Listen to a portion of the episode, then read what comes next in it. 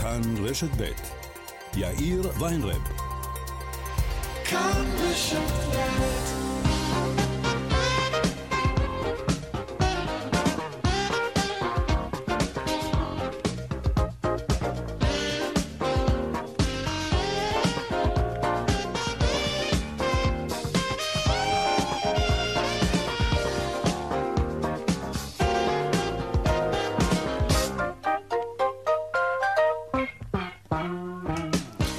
קצת אחרי ארבע ועוד חמש דקות, כאן צבע הכסף ברשת ב', יום שלישי, שלום רב לכם, העורך רונן פולק, בהפקה הילה פנימי, טכנאית השידור שלנו היום היא נויה משיח.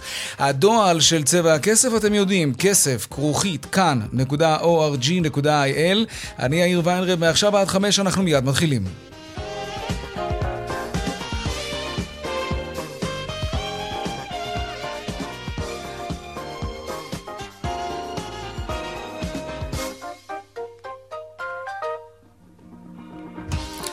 כותרות צבע הכסף ליום שלישי, האירו בשפל היסטורי. לפני זמן קצר נקבע שער האירו על שלושה שקלים 25 אגורות. מיד נעסוק בכך. יש גם מי שמרוויח מההיחלשות של המטבעות הזרים, לא רק האירו, גם הדולר כמובן. הנוסעים לחו"ל, הקניות שם יותר זולות. אולי גם הטיסות, אולי גם המלונות.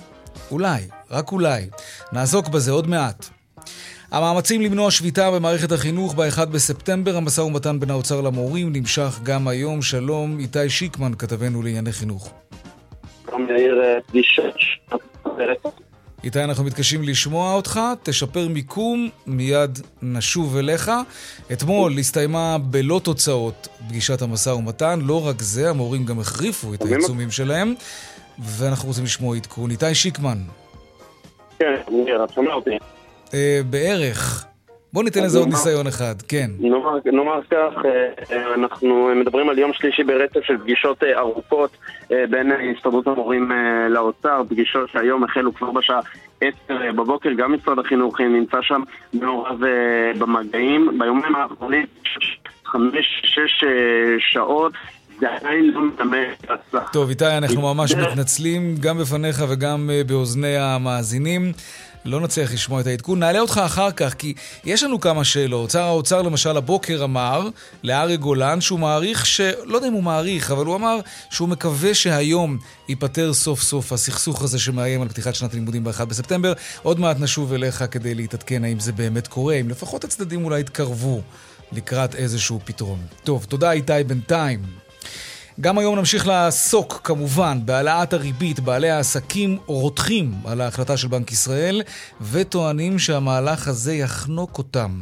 גם הציבור חושש מהעתיד לבוא, במיוחד אלה שלקחו הלוואות, משכנתאות. כתבנו אסף פוזיילוב אסף היום כמה תגובות. הנה.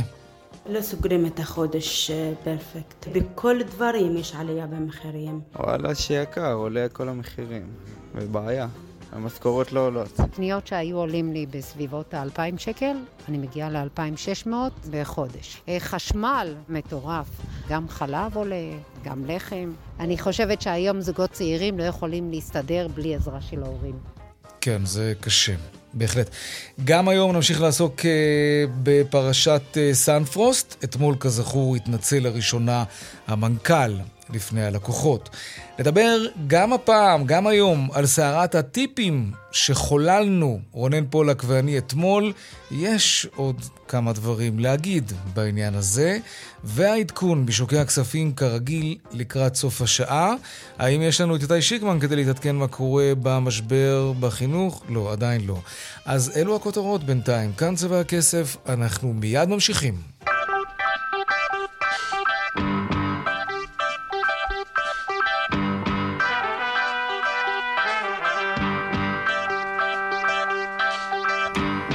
האירו בשפל היסטורי, לא רק שהוא השתווה אה, לדולר בימים האחרונים, הוא כבר חלש ממנו אפילו. שלום יוסי פריימן, מנכ"ל פריקו. שלום, שלום. אה, בוא, בוא נתמקד באמת רגע במה שקורה לאירו. מה העניין? אגב, זה רק אצלנו או שהוא נחלש בכל העולם? לא, לא, בכל העולם. צריך להסתכל על האירו בהסתכלות שלו מול הדולר. ובאירופה קורה אירוע אה, דרמטי. הסיפור של הגז שכל הזמן הסתכלנו עליו בתור איזה סיפור קטן מהצד שמחיר הגז עולה, כי הדלק מתייקר. צריך להבין שזה אירוע דרמטי שהולך לפגוש את, בעיקר את גרמניה, וההשלכה של זה היא מאוד מאוד משמעותית. אבל אולי נסביר במילה קודם התלות, לפני כן. בגלל התלות בגז הרוסי. והמלחמה באוקראינה, כן.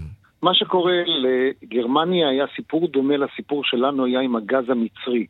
הם מקבלים למעשה גז במחירים מאוד מאוד נוחים בצינורות שרצים ישירות מרוסיה לתוך גרמניה, ואותו הנורסטרים, אותו הקו צינור שמזרים בעצם את, אה, במרכאות כפולות כמובן, את החמצן האנרגטי הזה לגרמניה, נתן להם שקט תעשייתי לאורך עשרות שנים.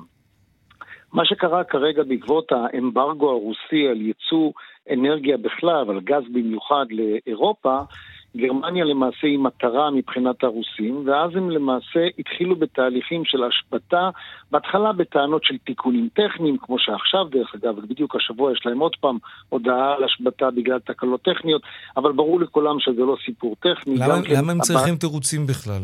הרי בדיוק, כל העולם לא, אבל נגדם הם- בגלל המלחמה באוקראינה, הם יכולים להגיד, אנחנו לא מוכרים עכשיו גז לאירופה. הם לא רצו להיתפס כמי שבעצם מפעיל את נשק האנרגיה, נשק הדלק, שהוא כן. פוגע מרמת משקי הבית עד לאינפלציה הגלובלית, הוא לא רצה למעשה שיצטייר שגרמניה היא זו שעשתה את הנזק.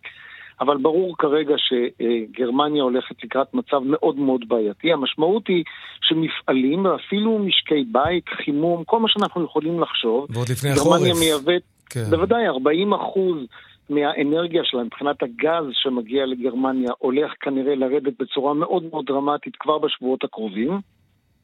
הוא כבר היום ירד בצורה מאוד משמעותית, והתהליך הזה בעצם הביא למין סולידריות כלל אירופאית. אבל מה המשמעות של זה? המשמעות של זה שהרבה מאוד מפעלים שאמורים לעבוד, יעבדו בתפוקה הרבה יותר נמוכה, ויותר חמור מזה, שזה בעצם השינוי המבני, הרבה מאוד מפעלים שהיו רגילים לקבל אנרגיה מאוד זולה, גרמניה הופכת להיות לא כלכלית מבחינתם. ואז חלק מהמפעלים הללו אם באמת אלה המחירים של האנרגיה, כי גרמניה משלמת היום המון כדי להביא אנרגיה דחוף, שיהיה לה מספיק אנרגיה לעבור את החורף, אם באמת זה הולך להיות המצב, אז המפעלים האלה להם זכות קיום בתוך גרמניה. ולכן יש לזה השלכה מיידית על הרווחיות של החברות, על היכולת של אירופה בכלל, אבל עוד פעם, דגש על גרמניה, כי היא למעשה הקטר, היא מובילה את כל הכלכלה כן. האירופאית. אוקיי. ולכן ברגע שהכלכלה הולכת לקראת משבר, אנחנו רואים את הריביות עולות שם כחלק מהסיפור של המלחמה באינפלציה, אבל הרבה יותר חמור מזה, זה הרווחיות, וכשיש בעיות, אנחנו יודעים שהמטבע צריך להיות שווה פחות. אוקיי, אז כשהיבשת האירופית נמצאת במצב כזה, מטבע הדברים זה. משפיע על המטבע שלה, וזה גם מה שאנחנו רואים בשוקי המטח ולכן המטבע. שלה, בדיוק, לכן המטבע שלה שירד לרמות שפל של 20 שנה אחורה מבחינת הפארי, היחס המרה אחד מול אחד מול הדולר, מהמם. זה בעצם מביא אותנו למה שאמרנו כבר בפעם הקודמת, שאנחנו רואים אותו ממשיך ללכת כלפי מטה, הוא יכול לרדת גם לרמות של 95 ו-96 סנט לדולר, זאת אומרת אנחנו בהחלט יכולים לראות את הדולר ממשיך להתחזק באופן מאוד מאוד משמעותי מול האירו, אבל בואו גם שנבין שגם בצד השני זה יוצר בעיה, כי היצוא האמריקאי לאירופה הופך להיות מאוד מאוד בעייתי. כי אז למעשה האמריקאים מבטאים את זה בדוחות הכספיים שלהם, שהם לא יכולים למכור באותם מחירים שהם מכרו קודם, הם נאלצים לתת הנחה. והם נמצאים, למעשה הרווחיות שלהם גם כן. נפגעת. אז יש השלכה ישירה בכפר הגלובלי שלנו מהצרות ברור. האלה המאוד גדולות של אירופה, גם למשקים כולל ארצות הברית, וגם לנו, לישראל, אנחנו יש לנו ייצוא לא קטן לאירופה, והשאלה הגדולה, אם אירופה נכנסת למשבר, איך זה ישפיע על התעשייה המקומית שלנו. ויש כבר דיבורים שם על האטה, ואולי אפילו מיתון, אה, גם סטגפלציה, שזה גם אינפלציה, גם עליות מחירים וגם מיתון. זה, אה, אירופה הולכת לקראת אתגר בוא- כלכלי מאוד גדול.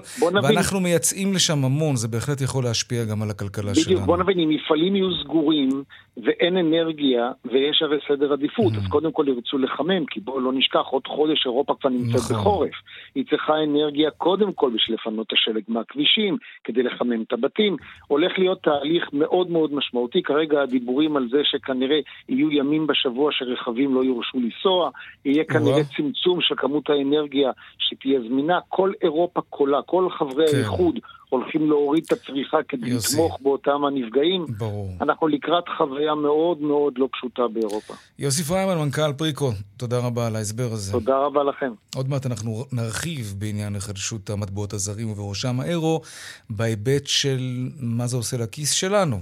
אם, אם נטוס לחו"ל, אם אנחנו טסים לחו"ל, זה כמובן משהו שיכול לחסוך לנו הרבה מאוד כסף. נדבר על זה עוד מעט, אבל קודם כל, אה, יוקר המחיה קורע את הכיס של הציבור, שחי עם הלוואות ועם משכנתה ומינוס בבנק. אסף פוזיילוב, כתבנו, שוחח היום עם אנשים שמדברים על חרדה, אה, האמת, חרדה של ממש לקרוס כלכלית. הנה דיווחו של אסף פוזיילוב.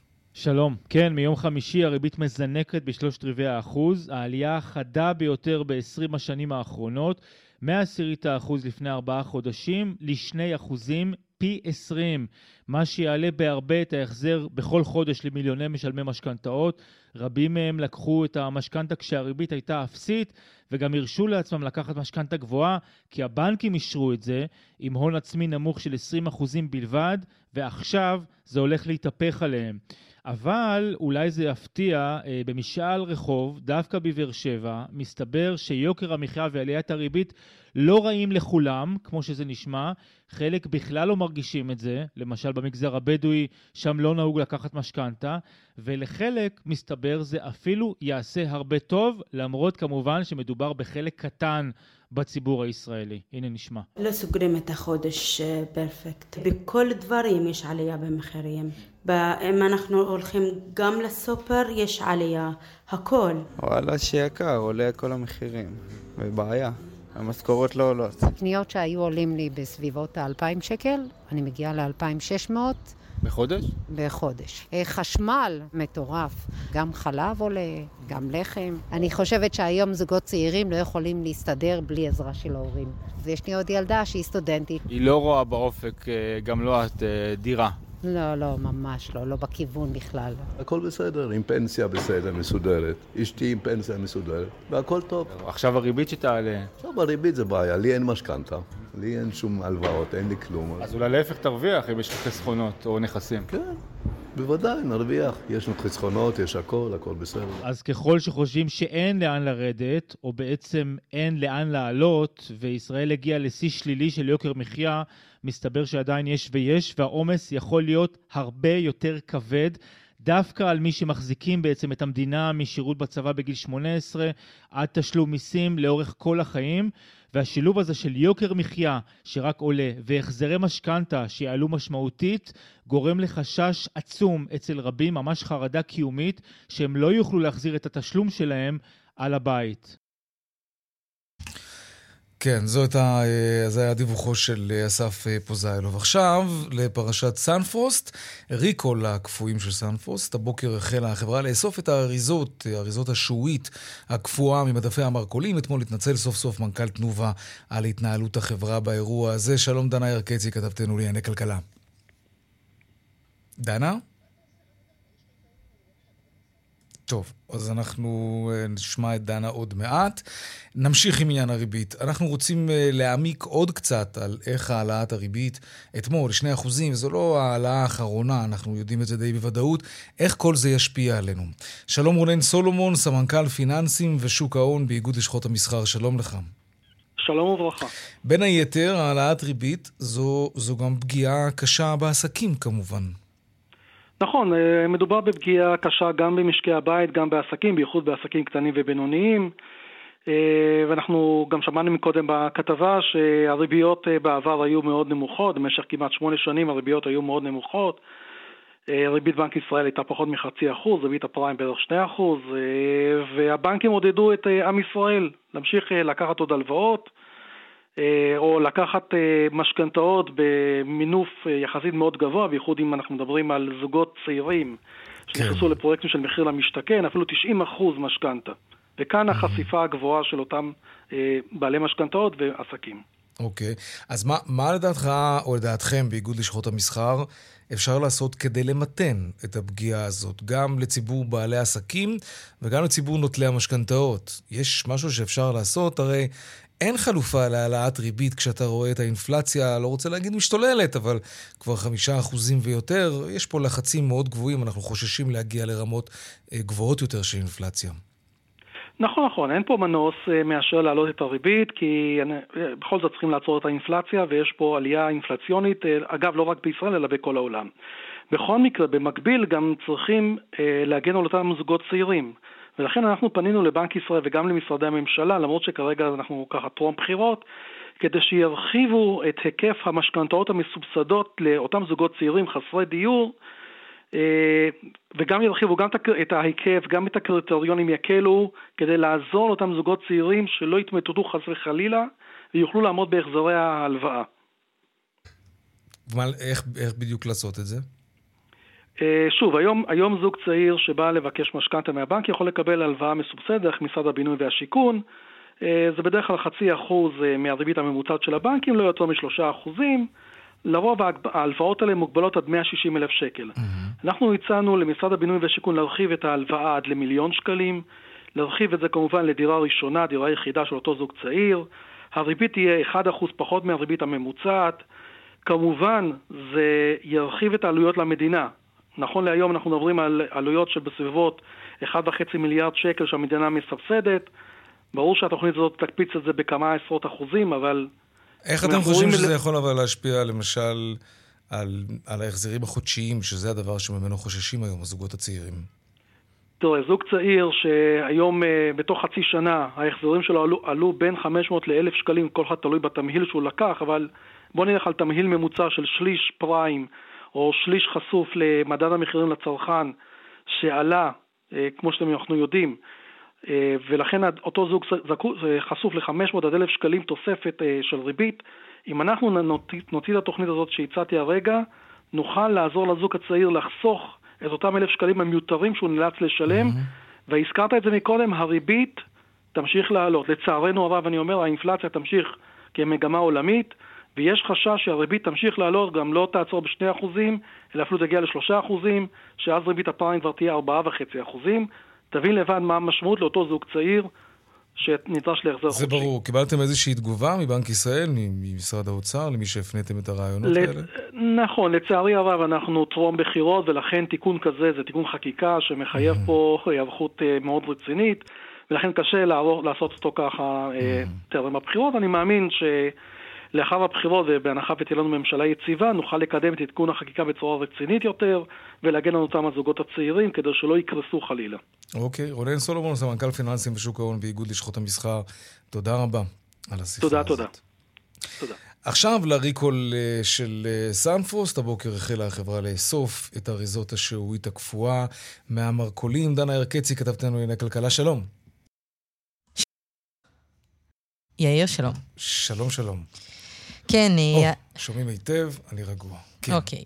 כן, נכון, אז uh, אתמול, סוף סוף, אחרי uh, שלושה ימים, שבו התפוצ... התפוצצה הפרשה הזאת, פרשת החיות של סנפרוסט, סוף סוף יוצא מנכ"ל החברה לתקשורת, מבקש סליחה, לוקח אחריות, ואומר שהם יצאו באיסוף יזום של כל מוצרי השעועית. אה, מהסופר, לא רק המוצרים שהיו ב recall, כלומר, היו שני תאריכי יעד שעליהם, היו, שעליהם עשו recall, וצריך להגיד, ברשתות השיווק עדיין היו מוצרים אה, של סנפרוסט, עדיין היו מוצרי שעועית קפואה. מוצרים שבהם נמצאו... אה, חלקים של חיות. זה שהם היו עדיין שם, השקיות האלה על המדפים, אנשים המשיכו לצרוך אותם? לא, ותכף אנחנו נדבר על הירידה בהכנסות, צניחה בהכנסות uh, של סנפרוסט מאז התפוצצות uh, כן. הפרשה uh, הזאת. אז הוא מודיע שהולכים לעשות איסוף מכל המדפים והמקררים, וגם מי שיש uh, בידו שקית של סנפרוסט uh, יתקשר לחברה ויקבל אה, פיצוי כפול אה, בתמורה לכל אה, שקית אחת, הוא יקבל שתי שקיות. אתמול אנחנו פרסמנו על כך שכבר ביום ראשון נרשמה ירידה של 45 אחוזים בהשוואה 45 אחוזים במכירות, גם הכמותיות וגם אה, אה, אה, בשווי המכירות, בהשוואה ליום ראשון שעבר. זאת אומרת, עשו מהן, עשיתי, עשינו מהן השוואה בין ראשון אה, אתמול, אה, לא, לא ראשון אתמול, ראשון מתחילת השבוע, לראשון אה, שעבר, ובדקנו גם אה, השוואה לראשון בתחילת החודש, אז נרשמה ירידה של יותר מ-50% במספרים הללו, אז הדבר הזה לא בא בחלל ריק.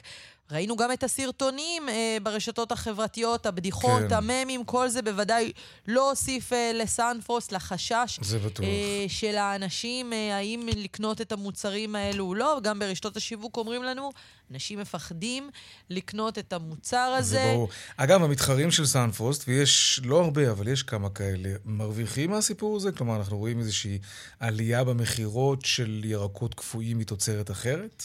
כן, צריך להגיד שיש מי שנהנה מהדבר הזה, ודווקא רואים אה, אה, עלייה במכירות, כמו למשל בווילי פוד, עלייה במכירות של 30 אחוזים אה, באוגוסט לעומת אה, יולי, אבל אי אפשר, לה, אי אפשר להגיד את זה, אתה יודע, זה כמה ימים, מדובר בימים אה, בודדים, אי אפשר לראות את זה כמגמה, בכל זאת סנפרוסט מותג פרימיום, אנשים אבל, אבל הם יצטרכו לשקם. למותג שלהם, עכשיו הם יצטרכו לש, לשקם את התדמית, אבל עוד נקודה ששווה להתעכב עליה, אם אתה תסתכל במדפים ובמקררים, mm-hmm. אין הרבה תחליפים אה, למעט פרי הגליל אה, mm-hmm. ואולי מותג הבית למוצרים של סנפוס. זה מראה על הכוח שיש לתנובה מול רשתות השיווק. בהחלט. שנותנת את הטון במקררים, ורשתות השיווק שאפשר mm-hmm. להגיד מתקפל, מתקפלות מול אותה חברה, לא באמת מציעים היצע רחב לקהל. אה, כדי לבחון אה, אופציות אחרות. וזאת הבעיה שלנו בכלל, בלי קשר למקרה הזה כמובן. דנה ירקצי, כתבתנו לענייני כלכלה, תודה רבה. תודה. עכשיו לדיווחי התנועה.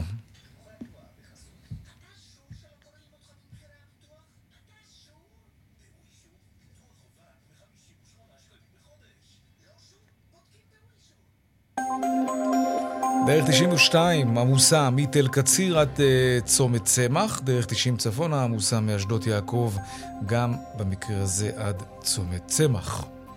עדכוני תנועה נוספים בכאן מוקד התנועה הכוכבי 9550, זה הטלמסר שלנו, אבל לא רק שם, גם באתר כאן וביישומון של כאן, הפסקת פרסומות, ומיד אנחנו חוזרים עם עוד צבע הכסף, נדבר על מי שמרוויח מהיחלשות האירו והדולר ועל הפקקים בנמלים.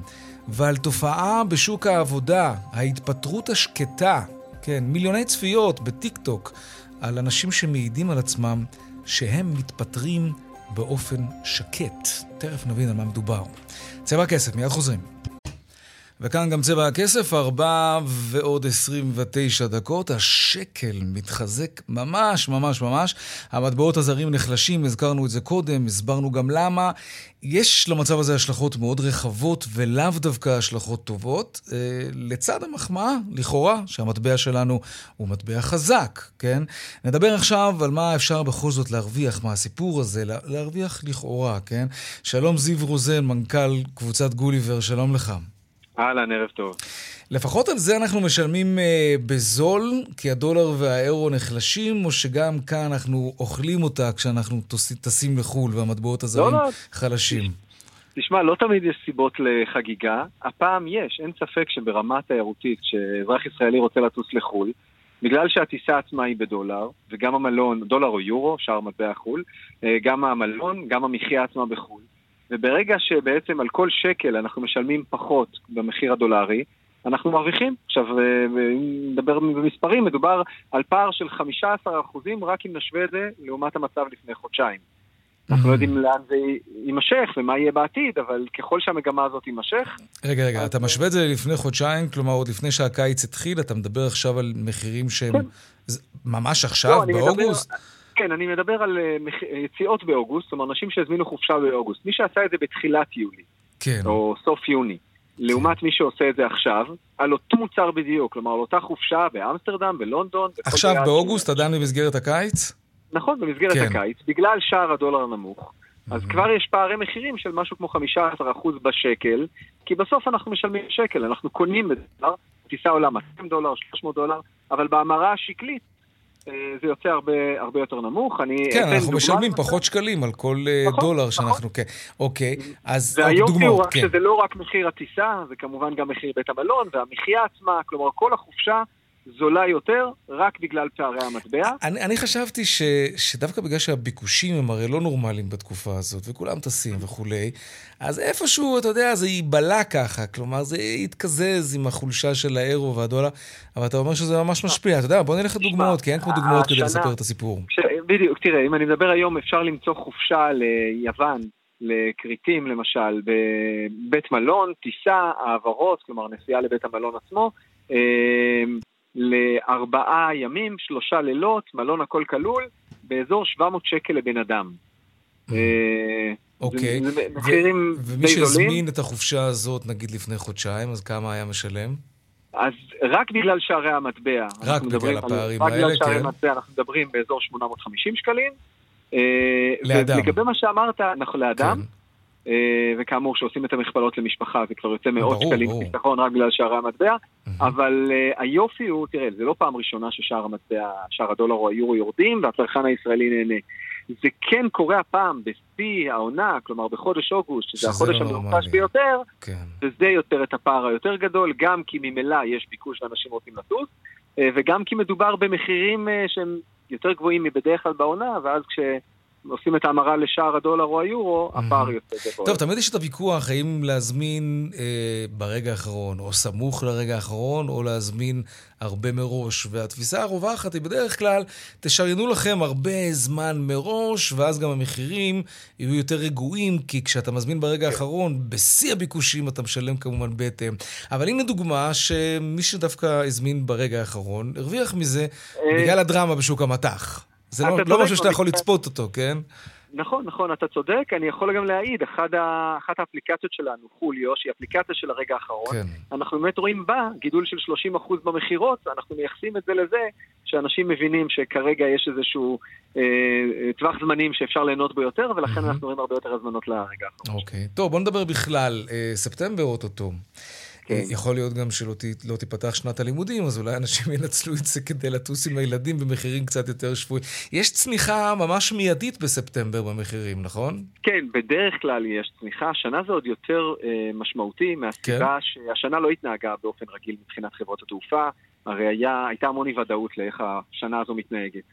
מה שכרגע חשוב לחברות התעופה זה לתפוס, בשפה המקצועית זה נקרא סלוטים, לתפוס בעצם את היכולת לה, אה, שהמטוס יהיה באוויר בזמנים קבועים, בשעות מסוימות ליעדים קבועים. כי מטוס על הקרקע בגלל... מפסיד כסף. נכון, ובגלל שהשנה החגים יוצאים בסוף החודש, מאוד חשוב לחברות התעופה לשמור על הקווים האלה פעילים.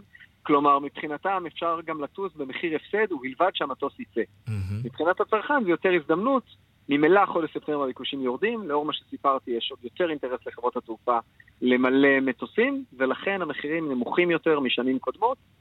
זה מה שקורה השנה, אני לא מבטיח שזה יקרה כל שנה, אבל השנה זה המצב. אבל צריך לזכור שספטמבר מתחיל, ואז מיד החגים, שזו תקופה דווקא שהמחירים כן חוזרים לעלות. כן, רק זה לא כזה מיד, ראש השנה יוצאת בסוף ספטמבר, 25 לספטמבר נכון. נדמה לי, ולכן יש פה טווח של באזור השלושה שבועות, מזג אוויר מצוין.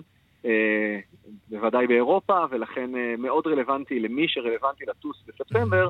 המחירים יורדים, אה, אם אני, עשינו השוואה בין מחירי ספטמבר לאוגוסט, 25-30 אחוז זה פער מאוד שכיח בין, בין המחירים, כאמור לאותו מוצר בדיוק. טיסה, בית מלון, ולכן זה בהחלט רלוונטי. תן לנו קצת יעדים פופולריים. שער הדולר והיורו ימשיכו לרדת, זה בכלל כן. טוב. הישראלים כאמור מאוד אוהבים את יוון, השנה טורקיה גם פופולרית, גיאורגיה אפילו הפתיעה אותנו, גם בתומי, גם טיביליסי שנמצאת ברשימות. אה, קפריסין כמובן, כרגע זה בעיקר יעדי, אנחנו קוראים לזה בטן גב, יעדים של חופי ים. וכמובן בירות אירופה. אני חושב שהצרכן הישראלי התגעגע בשנתיים האלה. לונדון, אמסטרדם, פריז, ברלין, ורואים את זה במכירות. זיו רוזן, מנכ"ל קבוצת גוליבר, תודה רבה. תודה, שנדע בשורות טובות. ביי ביי. אמן, להתראות. טוב, עכשיו אה, לפקקים בנמלים. אה, במשך חודשים אנחנו עקבנו אחרי הפקקים שם. אה, הייתה, הייתה לנו אפילו פינה יומית, אם אתם זוכרים, שבה עקבנו אחרי מספר האוניות שממתינות מחוץ לנמלים. מתישהו העסק הזה נרגע. אבל הנה זה קורה שוב. כך לפחות מספרים לנו התעשיינים שממתינים לחומרי הגלם שלהם, שהם לא מצליחים לקבל בגלל הפקקים. שלום רפי פלאמר, מנהל תחנת הקמח שלום. שלום לך. רמי, אה, ולא רפי. אה, רמי, רמי, סליחה, אוקיי. אה, חזרתם לעמוד בתור, רמי? כן, חזרנו לעמוד בתור, ומי שעושה לנו את זה זה ממגורות חיפה, שזה ממגורות דגון לשעבר, שהזכיין שמפעיל אותם היום אה, זה חברת גדות, שהיא זכתה באפריל 21 במכרז להפעלה לשש שנים, שזה כולל uh, הכנסת uh, תבואה בסדר גודל של שלושה מיליון טון לשנה. Uh, התבואה משמשת כמובן, אנחנו יודעים, לתחנות הקמח, מכוני תערובת, מפעלי מזון. אוקיי, ומה מה, ומה הסיפור של החברה הזאת? או, הסיפור של החברה הזאת שלפני מספר ימים, בערך uh, שבוע ימים, אנחנו מקבלים uh, הודעות שההודעה שההודעה מגיעה בבוקר והם אומרים אחרי היום, החל נגיד משעה שש וחצי בבוקר עד שעה ארבע עשרה שלושים הממגורה תהיה סגורה ונעולה, לא יפרקו את האוניות לתוך הממגורה כי הסיבה חוסר כוח אדם. עכשיו, אני, אני נרעשתי, אמרתי, מה זה סיבה של חוסר כוח אדם? חברת גדות זכתה במכרז אחרי 70 שנה שהממגורה הייתה מופעלת על ידי חברת דגון, אם אתה זוכר, ראובן הכט, ז"ל והמשפחה, לא היו בעיות. והיא זכתה במכרז, שהמכרז הוציאה איזה חני, חברת נמלי ישראל, ובכל תרועה גדולה אין בעיה, ופתאום החליטו שאין להם כוח אדם, ברור שחברה שזוכה במכרז כן. כזה, שזה בעצם השער של התבואה למדינה, וזה טוב. לא, אה, לא משחק ילדים. לנו, אין לנו את היכולת כרגע לקבל תגובה אה, מהחברה כן. הזאת, אנחנו כן. כמובן אה, גם מזמינים אותה מעל גלי היתר, וגם פנינו אליהם, אנחנו מקווים שתהיה תגובה. בואו נדבר לגופו כן. של עניין. מה חסר לך? למה אתה ממתין? למה אני ממתין? ראשית כל לסחורה, לסחורה שזה חומר גלם. בלי חומר גלם אתה לא תוכל לעבוד, אתה לא יכול לטחון, אתה לא יכול אה, להפעיל מכון תערובת, זה חומר גלם. ואני יכול להסתכל על חומר הגלם הזה מהר הכרמל, לראות אותו חונה בים. נוסף לזה שהוא חונה בים, זה, זה לא רק יפה, זה גם עולה כסף. בערך יום... קנסות בטח, כן. יום חנייה, זה נקרא מושג דימארג'. יום חנייה של אה, אונייה כזאת על הים, זה לסבר את האוזן, זה 15 אלף דולר. וואו. ותראה, אתה יכול כסף. לראות כמה אוניות ישנם. כמה אוניות עלו... יש, אם אתה כבר מסתכל אני, מהחלום? אני, אני מעריך שזה למעלה מעשר אוניות כרגע, למעלה. שעומדות בתור, עומדות בפקק. עומדות בתור. תגיד, כמה, רמי, כמה אתה רחוק ממצב, אה, או שאתה כבר נמצא במצב כזה, שאתה לא יכול לספק סחורה ללקוחות שלך? עדיין לא, עדיין לא. אבל זה, בהתמשכות של המצב הזה, זה יגיע לזה. ולא רק זה, אלא שגם הם לא נותנים להוציא. כדי, כדי להכניס לממגורה, אתה צריך לפנות את הממגורה באופן רציף. מצד אחד נכנסת... ברור, צריך עובדים, כן. יש מצוקת כוח אדם, אגב, בכל מקום. גם בנמלי הים, גם בנמלי האוויר, גם במסעדות. משהו לא טוב קורה בשוק העבודה. אני, אני מניח שזה גם חלק מהעניין. ממש, קשה להעסיק עובדים. אנשים שעבדו פעם לא חוזרים אחרי הקורונה לעבוד. אנחנו ננסה להבין באמת מה בדיוק קורה שם, כדי uh, לתת את התרומה הצנועה שלנו, לנסות לפתוח את הפקק הזה. כן. רמי uh, פלמר. Uh, פלמר. מנהל, פלמר, סליחה. Uh, מנהל תחנת הקמח. שלום, אני מאוד מודה לך על השיחה הזאת. אין בעד מה. להתראות, ובהצלחה כמובן. תודה. טוב, אולי זה קשור, לא אולי, זה קשור. בשוק העבודה מדברים על תופעה שנקראת ההתפטרות השקטה. מה זה אומר בדיוק?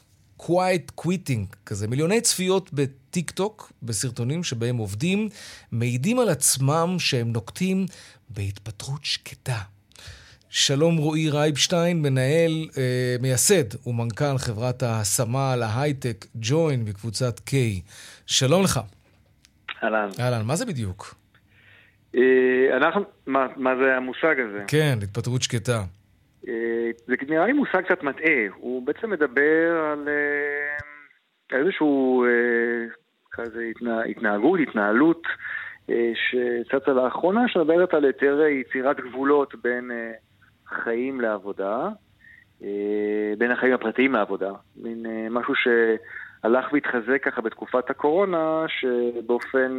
הכל התערבב גם ככה. כן. התערבב, כן, אבל מה שקורה זה בעיקר אולי העבודה ההיברידית, שפתאום חיברה את האנשים... אה, יותר הביתה, יותר למשפחה. הביתה והעבודה, כן. וזה קצת הפרידה את, ה... את העבודה הטוטאלית. Mm-hmm. משהו שהתאפיין בחלק מהעבודות לפני כן. אוקיי. ואז בעצם אנשים מדברים על זה שיש לנו חיים, ואנחנו אה, לא מתביישים בזה, וגם אה, המעסיק... הרי גם חלק מהאנשים הם מדברים בגוף ראשון והמנהל שלהם יכול לראות את הסרטונים האלו. זאת אומרת, הם לא, לא מתביישים בזה, אומרים, אוקיי, אני, יש לי את הזמן שלי בעבודה, יש לי גם חיים פרטיים, זה לא הולך לגלוש, אה, ואני לא הולך להקריב את עצמי עבור, אה, עבור העבודה. אז למה הם שמים מין strip כזה בסרטון של הטיקטוק? quiet quitting, כאילו, אז זה כן מדבר על איזשהו, איזושהי אמירה של, לא של הפרדה, אלא משהו טוטאלי. אנחנו, אנחנו מתפטרים, אבל בשקט. אז זה באמת קצת מבלבל. נכון, כי אני לא חושב שזו הכוונה של באמת להתפטר. כי מספיק סרטון כזה כדי בעצם להגיד, אוקיי, אני, אני עזבתי, כן? פשוט תפטרו אותי ותנו לי דמי הפיצויים. אה, זה יותר אומר בעצם, אל תחפש אותי אחרי חמש או שש בערב, אה, תדע שאני עובד בין, בין השעות האלו והאלו. אה, אני לא מתכוון לעשות יותר, זאת אומרת, וזה אמור להיות בסדר. משהו שהוא מגיע עם איזושהי הבנה. כן, כבר שנים מדברים אגב על, על, חלוק, על איזון בין בית אה, לעבודה. זה, זה, בהיבט הזה זה באמת לא חדש. אבל, אבל יכול להיות שזה באמת יותר מוקצן, הוא יותר מובהק, ומשהו גם ב vibe הכללי של העובדים משדר למקום העבודה, זה שאני לא פה כדי להפוך את המקום הזה לבית שני שלי. בואו בוא, בוא נעבור צעד, לצד של המעסיקים. איך מתמודדים באמת עם... עם התנהלות כזאת של עובדים, שמצד אחד רוצים לעבוד ולהשתכר, ומצד שני לא מתכוונים להתאבד במרכאות על מקום, על המשרה שלהם. אז אנחנו רואים כמה דברים אה, מעניינים שקורים. קודם כל, אז נוצר איזושהי עובדה בשטח שעובדים, שאפשר לעבוד מהבית. אה, זה מה שקרה בקורונה, החברות אה, אה, התחילו בהתחלה ב-100% ואחר כך פחות, בצורה היברידית, לעבוד מהבית. אה, ואיך שנסגרו הסגרים, החברות ניסו להחזיר את העובדים הביתה, לפחות חלקם, וזה לא מתאפשר. זאת אומרת, עובדים תופסים את זה כהרעה בתנאים, הם לא מוכנים לחזור לעבודה מלאה בבית. לא חסר להם החוויה, אתה יודע, החברות בתוך מקום העבודה. ואני אגיד לך עוד משהו, אין מנהל שאנחנו לא מדברים איתו כאן בצבע הכסף, ואנחנו שואלים לגבי זה, וכולם אומרים, תקשיבו, זה באמת היה חלום יפה. אבל זה לא, זה לא באמת עובד. אם אני רוצה שהחברה שלי יהיה לה פריון גבוה יותר, ו- ויהיה לה, לה גם משהו שהוא ערכי, אני רוצה את העובדים אצלי, לפחות חצי שבוע. זה נכון, זה נכון. מנהלים חד משמעית רוצים את העובדים שלהם כמה שיותר קרוב אה, למשרד, אבל אני לא יודע מה ההסבר של זה, אם זה, זה תחושת פומו, אם זה משהו שהרווחתי ואני לא מוכן לוותר עליו, mm-hmm. אבל מין, אם אני אומר עכשיו, טוב, אני מוכן לעבוד חמישה ימים בשבוע, זה משהו שאני נותן ויילקח ממני ולא יחזור אליי. אה, וזה מין חופש שאני קצת מפחד לוותר עליו. ולכן אה, אנחנו כן שומעים גם מנהלים וגם מעובדים שכן רוצים יותר, חסר להם עבודה אה, מהמשרד, אבל עדיין רוצים שישאר להם החופש הזה. עכשיו אם אני אחזיר את זה לחברה, את הזכות הזאת שניתנה לי, לא בטוח שאני אוכל לקבל אותה בחזרה בהמשך. אה, זה יהיה משהו שהוא יהיה חד צדדי. אז עדיף לדרוש את זה על ההתחלה. אז גם לדרוש, הוא, הוא בעיקר לא לוותר על זה. אנחנו יכולים להגיד לך, אנחנו בעצם עושים, אנחנו חברת head hunting, אנחנו בעצם, אה, רוב המועמדים שאנחנו עובדים איתם זה מועמדים שאנחנו פונים אליהם אה, עבור לקוחות, הם לא. מה שנקרא טאלנטים? כלומר... לאו דווקא טאלנטים. לאו דווקא. חלקם טאלנטים, אוקיי. אבל כמעט היום בתחום הזה, בטח תחום האונליין שאנחנו מתמחים בו, עובדים, עוברים עבודה בהתאם לפניות שמקבלים. רוב האנשים לא מחפשים אקטיבית משרה. אם פשוט יעברו עבור, עבור הפנייה הנכונה, אה, הם לא מוכנים לשמוע על מקומות שהם לא היברידיים. מקומות שהם לא מאפשרים היברידיות, הם מקומות שהם באמת אה, קשה מאוד לגייס עבורם. רגע, זה נורא מעניין מה שאמרת. אתם בעצם פונים לאנשים? כן. רגע, גם, גם אם אותו עובד עובד בחברה אחרת? אנחנו בעיקר אם הוא עובד בחברה. כל העובדים בעיקר. שאנחנו פונים אליהם הם עובדים, הם עובדים כרגע בחברה אחרת. אנחנו יודעים לעשות מיפוי של התפקידים הנכונים עבור החברות הנכונות, וברגע שיש לנו... איך אתם משיגים את הפרטים שלהם? זה בעצם כל הפרטים הם, זה מין database שאנחנו הולכים ו... לינקדין וכאלה? גם לינקדין הוא מקור מאוד משמעותי, אבל לא רק. אוקיי. אנחנו יודעים, יודעים בעצם להגיע לכל עובד בתעשייה כמעט. כן. אני מניח שזה נעשה באופן דיסקרטי.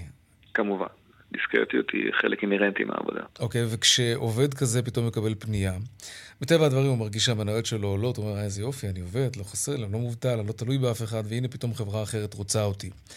אמ, מה, מה אתם עושים, אני קצת משנה נושא, כן, כי זה מעניין. כן. מה, מה אתם עושים כדי לפתות אותו לקבל את המשרה שאתם מציעים? אני מניח שאתם מציעים לו יותר כסף. בשביל כמה יותר כסף בן אדם יעזור, או שתפתיע אותי ותגיד, זה בכלל לא עניין של כסף. אה, עובדים מחפשים משהו אחר. זה נורא תלוי, כסף הוא פונקציה, הוא לא פונקציה לא עיקרית ולא היחידה בתוך מרכיב של החלטות, זה נורא תלוי. אני גם לא הייתי משתמש במילה לפתות, זאת אומרת, אנחנו בדרך כלל משתדלים להתאים את הפנייה למועמד הנכון. מועמד נכון יכול להיות מישהו שנניח בחברה הנוכחית שלו הוא בורג במערכת, עובד בחברה מאוד טובה, אה, אבל יש לידו עוד ארבעה אנשים בצוות, הסיכוי שהוא יתקדם להיות ראש צוות הוא נמוך, או ההשפעה שלו בתוך המערכת הכוללת היא, mm-hmm. פחותה. אתה מציע לו יותר בוא, כוח. בוא תהיה שחקן מפתח. אוקיי, okay, איך אתה יודע אבל שהוא מתאים להיות שחקן מפתח? יש כל מיני גורמים שאנחנו, חלק מהאנשים אנחנו מכירים אותם מהעבר, חלק מהאנשים, נניח לצורך העניין, סיימו אוניברסיטה בהצטיינות, או עובדים בחברה מאוד טובה, או עובדו בחברה מאוד טובה, mm-hmm. או יש שם ניסיון מאוד מאוד ספציפי שבדיוק מתאים mm-hmm. להצעה שאנחנו נציע לו.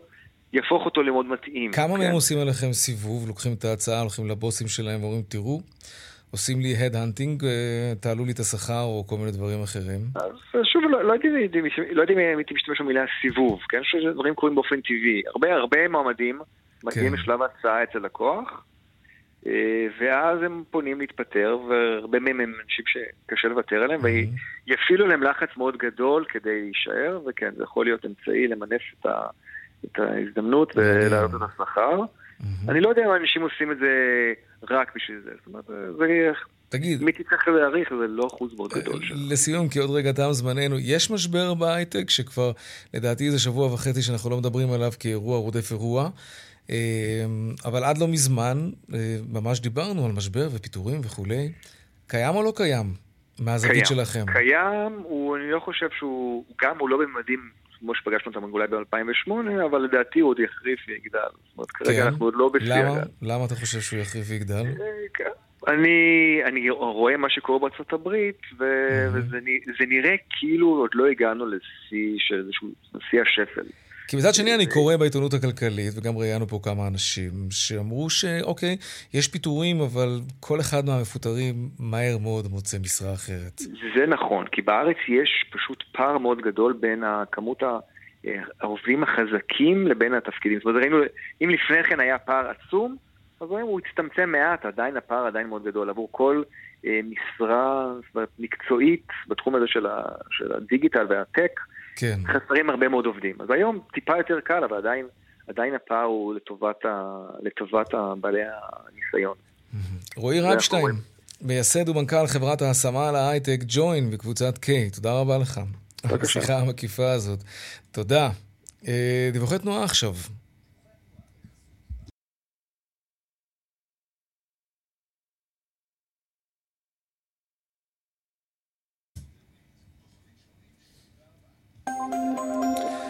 בדרך שש צפונה יש עומס ממחלף נחשונים עד אייל, ובהמשך מעירון עד עין תות דרומה יש מעין תות עד מנהרות נילי, ובהמשך מנחשונים עד בן שמן. באיילון צפונה עומס תנועה ממחלף חולון וקיבוץ גלויות עד מחלף גלילות. לכיוון דרום יש עומס ממחלף קק"ל עד לגוארדיה. עדכוני תנועה נוספים בכאן מוקד התנועה, כוכבי 9550 זה הדלמסר שלנו, אבל לא רק שם, גם באתר של כאן וביישומון של כאן, פרסומות ומיד חוזרים. וכאן גם צבע הכסף, שלום רונן פולק. אהלן יאיר. מה העניינים? טוב, תשמע, הרבה מאוד תגובות התקבלו מאז שעסקנו אתמול בסוגיית הטיפים למלצרים, ומה שהכי הדהים אותי זה שאנשים אפילו לא הכירו את השיטה הזאת. אנשים פשוט לא היו מודעים לכך שהטיפים... מה הדהים אותך? גם אנחנו לא הכרנו. נכון. גילינו את זה והחלטנו לעשות מזה אייטם. אה, אה, חזק מאוד היה. נכון, כן, אוקיי. תשמע, כי זה... אתה יודע, אני חושב על זה, העובדה שאנחנו יושבים באמת במסעדה ומתלבטים כמה לפנק וכמה לתת למלצר שחייך אלינו ונתן לנו, ואנחנו לא יודעים בכלל שזה לא רלוונטי. זה לא טיפ, אנחנו משלמים את המשכורת שלו. לגמרי. כן. זה, טוב, זה לא בונוס. תשמע, כן. אני, מה אנשים זמננו קצר, אני אגיד לך כמה דברים. מחר נטפל בזה בהרחבה, עכשיו כמה תגובות על קצה נכון. המזלג, כן. Uh, כותב לנו מאזין, אני משתדל לשמור, לשאול את המלצר אם הוא מקבל שכר מעבר לטיפים, ואז אני נותן טיפ. או שהטיפים הם חלק מהשכר, ואז אני לא נותן טיפ כי לבעל המסעדה כבר שילמתי, הוא צודק. Mm-hmm. הוא מערער באפשרות להעביר למלצר את הטיפ כמתנה דרך הביט, לדעתי זה בלתי אפשרי. אה, עוד צייצן בעילום שם אומר, הגיע הזמן שהמס המושחת הזה שמושת עלינו ייפסק, הוא קורא לזה מס, יש בזה מידה מסוימת של לא, היגיון. לא, מס זה משהו שהוא חובה לעשות. אוקיי, אבל זה לא טיפ, אוקיי? בואו לא, נפסיק לקרוא לזה טיפ, דמי שירות, זה לא אוקיי. דמי שירות, זה לא. הוא אומר שכל מסעדה תוסיף את הטיפ פעם אחת ולתמיד ותעזוב אותי בשקט. גם בזה יש היגיון. למה אני צריך לחשב עכשיו כמה, פה, שם וזה? בואו, כן. תשימו הכל, תכניסו לנו הכל במחיר, ואל תספרו לנו את הסיפורים, איך אתם מחלקים ביניכם שם את מה שקורה. כותב ירון, לאחר ששמעתי את עניין הטיפים למלצרים, שמותר לבעל המסעדה להשתמש בזה לטובת שכר העובדים, אני לא אשאיר יותר טיפ למלצרים וארגיש בנוח. אני לא בטוח לגבי העובדה שהוא ירגיש בנוח. אני אומר לך, אנחנו התלבטנו לגבי לא, זה אני- אתמול, אני בספק אם אנחנו נרגיש משהו. בנוח שאנחנו עושים את זה. חייבים להגיד כאן משהו. אם מדובר בבונוס מעבר לשכר של המלצר, זאת הרי המטרה הרי. קיבלתי שירות טוב, אני בשמחה רוצה לתת למלצר משהו שהוא מעבר לשכר שלו. אבל אם יתברר שאני מחליף את בעל המסעדה בתשלום המשכורת שלה, של המלצר, יש פה משהו לא תקין והוא לא בסדר ושווה באמת לחשוב עליו. אבל אנחנו נדבר על זה כמובן בהרחבה מחר. רונן, תודה בינתיים. תודה. עכשיו לעדכון משוקי הכספים. 102 bid for 100 is sold. 200, take them. שלום אייל ראובן, מנכ"ל טאוור מבית מגדל שוקי הון. אחר צהריים טובים, יאיר. איך השווקים מגיבים למה שקורה? בוא נאמר שאנחנו היום באיזשהו יום רגיעה, כן? הכל, אה, כל הנתונים נכנסו, אז אתמול בנק ישראל העלה אה, בהתאם לציפיות את הריבית ב-0.75 ל-2%, וזה השפיע לרעה לפני על כן, היו ירידות של יומיים שלושה. גם בארצות הברית אה, מתכוננים להעלאת ריבית נוספת של הבנק האמריקאי, והשוק שם ירד בימים האחרונים, אז היום אנחנו ברגיעה קלה. כאשר המדדים אה, בעליות שערים קלות, תל אביב 35 בשתי עשיריות האחוז עולה, תל אביב 90 בארבע עשיריות, הבנקים עולים בחצי אחוז.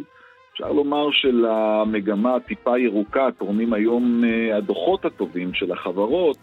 אה, היום הייתה תורה של אה, גולף שהעלתה את שיעור הרווח ב-22% ברבעון השני ועולה ב-6%. פוקס שממשיכה להרוויח יפה ועולה ב-4%. מלרן עם דוחות טובים של, בעלייה של 6.8% וברן, חברת התשתיות עם דוחות טובים וגם צפי טוב להמשך שעולה באחוז ושבע עשיריות, אז הן תורמות לכיוון החיובי, הדוחות, התוצאות הטובות של החברות. אם מסתכלים קצת על העולם, אז גם שם רגיעה קלה, אירופה בעליות של כחצי אחוז בממוצע. הנסדק כרגע פותח אחרי יום סוער אתמול, אתמול בערב נסגרו, הנסדק ירד בכמעט שלושה אחוזים, אז עכשיו הוא פותח בכחצי אחוז עלייה, ה-S&P בשתי עשיריות, גם שם מצפים להחלטת הריבית של הבנק המרכזי. תודה רבה. אייל ראובן, מנכ"ל טאוור מבית אה, מגדל שוקי הון. תודה ערב טוב שיהיה. גם לך, תודה רבה.